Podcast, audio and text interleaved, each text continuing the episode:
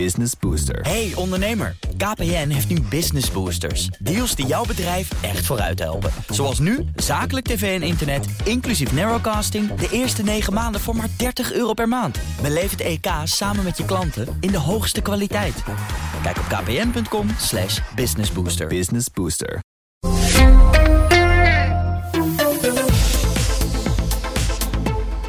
Hamas, zegt althans de leider van Hamas, Ismail Haniyeh, is dicht bij een akkoord met Israël over een wapenstilstand. Een verklaring die die uit deed gaan eh, via persbureau Reuters. En bronnen binnen Hamas melden aan Al Jazeera en AFP dat het gaat om een staakt het vuren van een aantal dagen. Er wordt gezegd nou zo'n beetje drie. En dan zou er ook uh, sprake kunnen zijn van een uitwisseling van Palestijnse gevangenen en Israëlische gegijzelden. Amerikaanse president Joe Biden zegt ook een akkoord is nabij, al kan hij daar verder niks over zeggen. En dus gaan we naar onze eigen mannen. Buitenlandcommentator Bernard Hammelburg en Europa-verslaggever Geert-Jan Haan. Heren, goedemorgen. Goedemorgen. Bernard, jij volgt het nieuws en staakt het vuren van een aantal dagen. Ik hoor drie hier en daar. Wat heb jij gehoord? Welke voorwaarden zouden er gelden bij zo'n deal?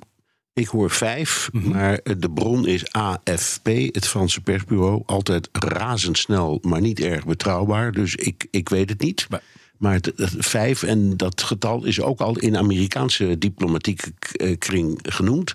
Dus dat lijkt me geen onlogische. Ja. Eh, er zouden 50 tot 100 gijzelaars worden vrijgelaten. Allemaal vrouwen en kinderen. Eh, en die zouden dan worden geruild voor 300 eh, Palestijnse vrouwen en kinderen in gevangenschap in Israël. En met kinderen moet je dan denken aan teenagers. Ja. Eh, en eh, ja, dat is waar het nu staat. En Mhm. eh, iedereen, dus Hamas en ook de Amerikanen en ook de Israëliërs, die zijn er wel optimistisch over. Ja. Dit, dit deel van de deal gaat lukken. Oké, als dit deel, deel van de deal lukt, dat zou mooi zijn. Het is, is lang besproken. Qatar was een van de instrumentele eh, eh, onderhandelaars of handelingspartijen daarbij. Nog steeds. Hebben, kunnen die het op hun konto schrijven als het lukt? Ja, ja, ja, zeker. Eh, Dat is natuurlijk ook omdat de, de top van Hamas daar woont. Ja. Dus dat maakt het al heel simpel. Ze hebben hele goede contacten met Hamas. En worden vaak gebruikt om te bemiddelen als er dit soort problemen zijn. Dat gaat dan vaak samen met Egypte. Maar dat is, zie ik nu nog niet gebeuren. Dat verwacht ik eigenlijk wanneer ze een stukje verder zijn en gaan praten over een bestand. Want daar zijn de Egyptenaren er weer heel goed in. Ja. Aan deze besprekingen doen in elk geval eh, de Amerikanen mee. Eh, want die oefenen enorme druk uit op eh, Qatar om, eh, nou ja, om deze deal waar te maken. Ehm, en eh, de, de, de- de Israëliërs zijn er natuurlijk niet rechtstreeks bij betrokken, maar wel via tussenkanalen steeds. Dus het is een hele interessante ontwikkeling. En ik, ik denk altijd bij dit soort dingen. Als je nou midden in zo'n oorlog dit soort partijen bij elkaar kunt krijgen, waarom praat je niet even meteen door over een bestand?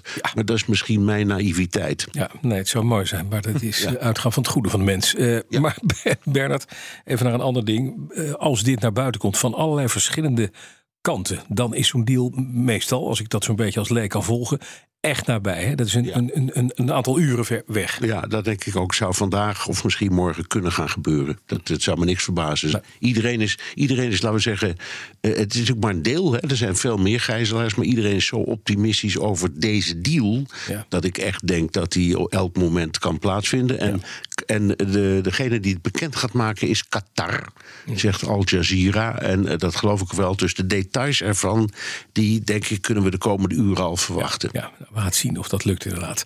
We gaan naar Oekraïne, want de Duitse minister van Defensie Boris Pistorius is morgen in Kiev. Hij praat dan onder meer, zegt ook dat Franse persbureau AFP weer met Zelensky. Geert-Jan, eh, waarom Pistorius naar Oekraïne? Nou, hij kwam eh, vanochtend om vijf uur met de trein aan.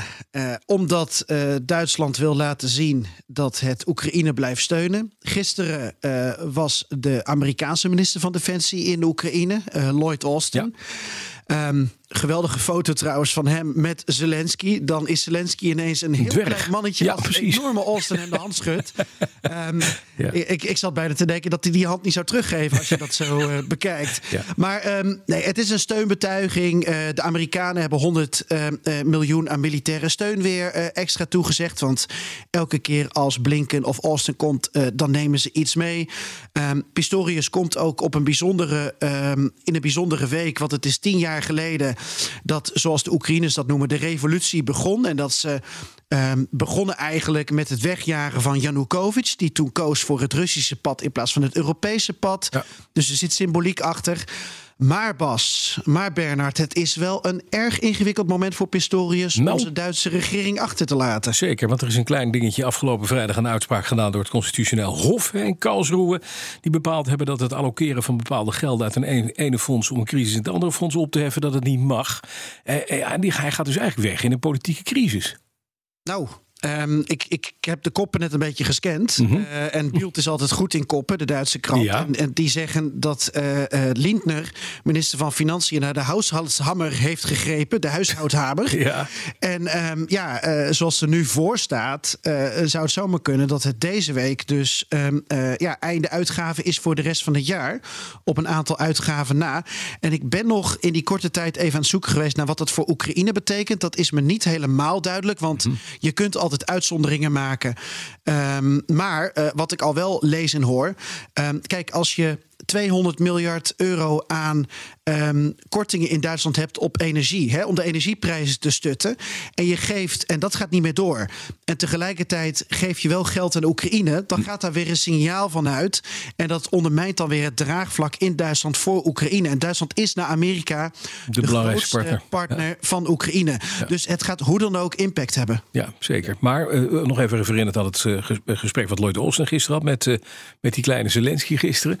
Er is meteen, Bernard, een nieuw militair hulppakket toegezegd van 100 miljoen dollar. Ja, maar eh, ja, wij zien dat niet elke dag, zo, zoveel geld. Maar, Maar- het is natuurlijk, op het totaal is het klein. Eh, want wat Biden wil, is een hulppakket van 80 miljoen, of miljard. Ja, dat is nog wel ja, wat een ander verhaal. Ja. Eh, er zitten hier overigens best eh, goede dingen in hoor. Nieuwe lange afstandswapens en munitie daarvoor. Dus ik moet er ook niet badinerend over doen. Maar het is wel even een doekje voor het bloeden. Ook voor Zelensky. Omdat die natuurlijk net als wij allemaal... die ingewikkelde onderhandelingen in Washington volgt...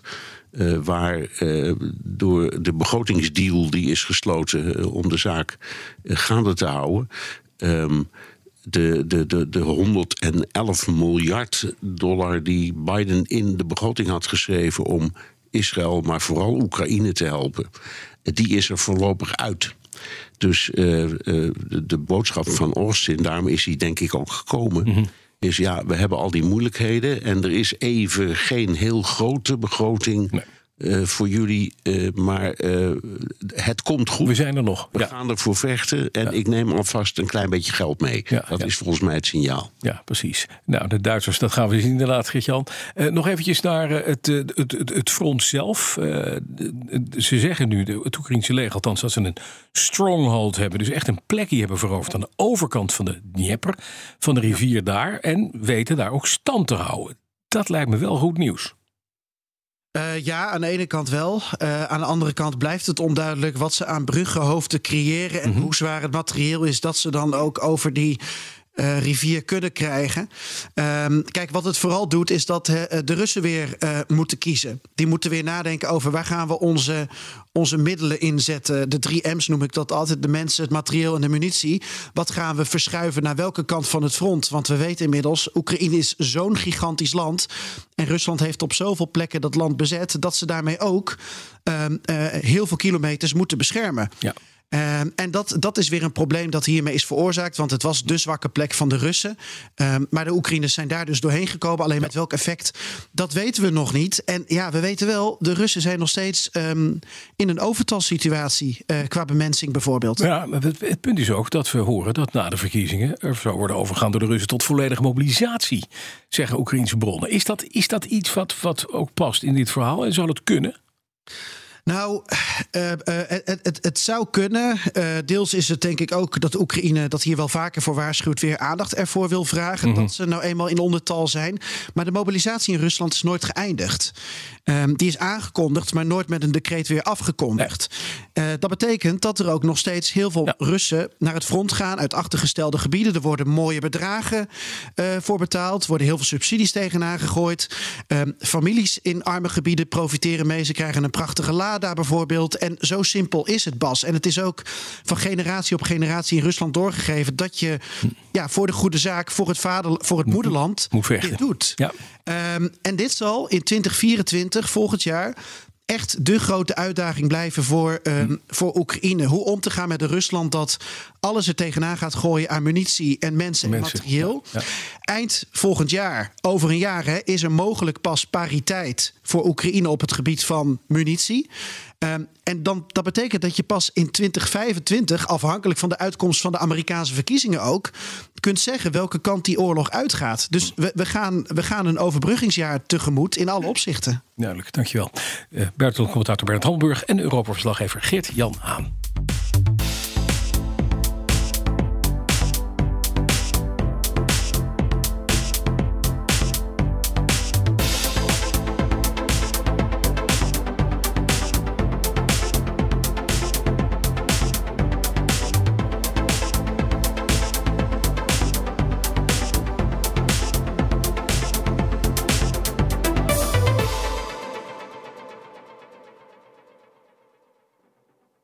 Business Booster. Hey ondernemer, KPN heeft nu Business Boosters. Deals die jouw bedrijf echt vooruit helpen. Zoals nu, zakelijk tv en internet, inclusief narrowcasting... de eerste 9 maanden voor maar 30 euro per maand. Beleef het EK samen met je klanten in de hoogste kwaliteit.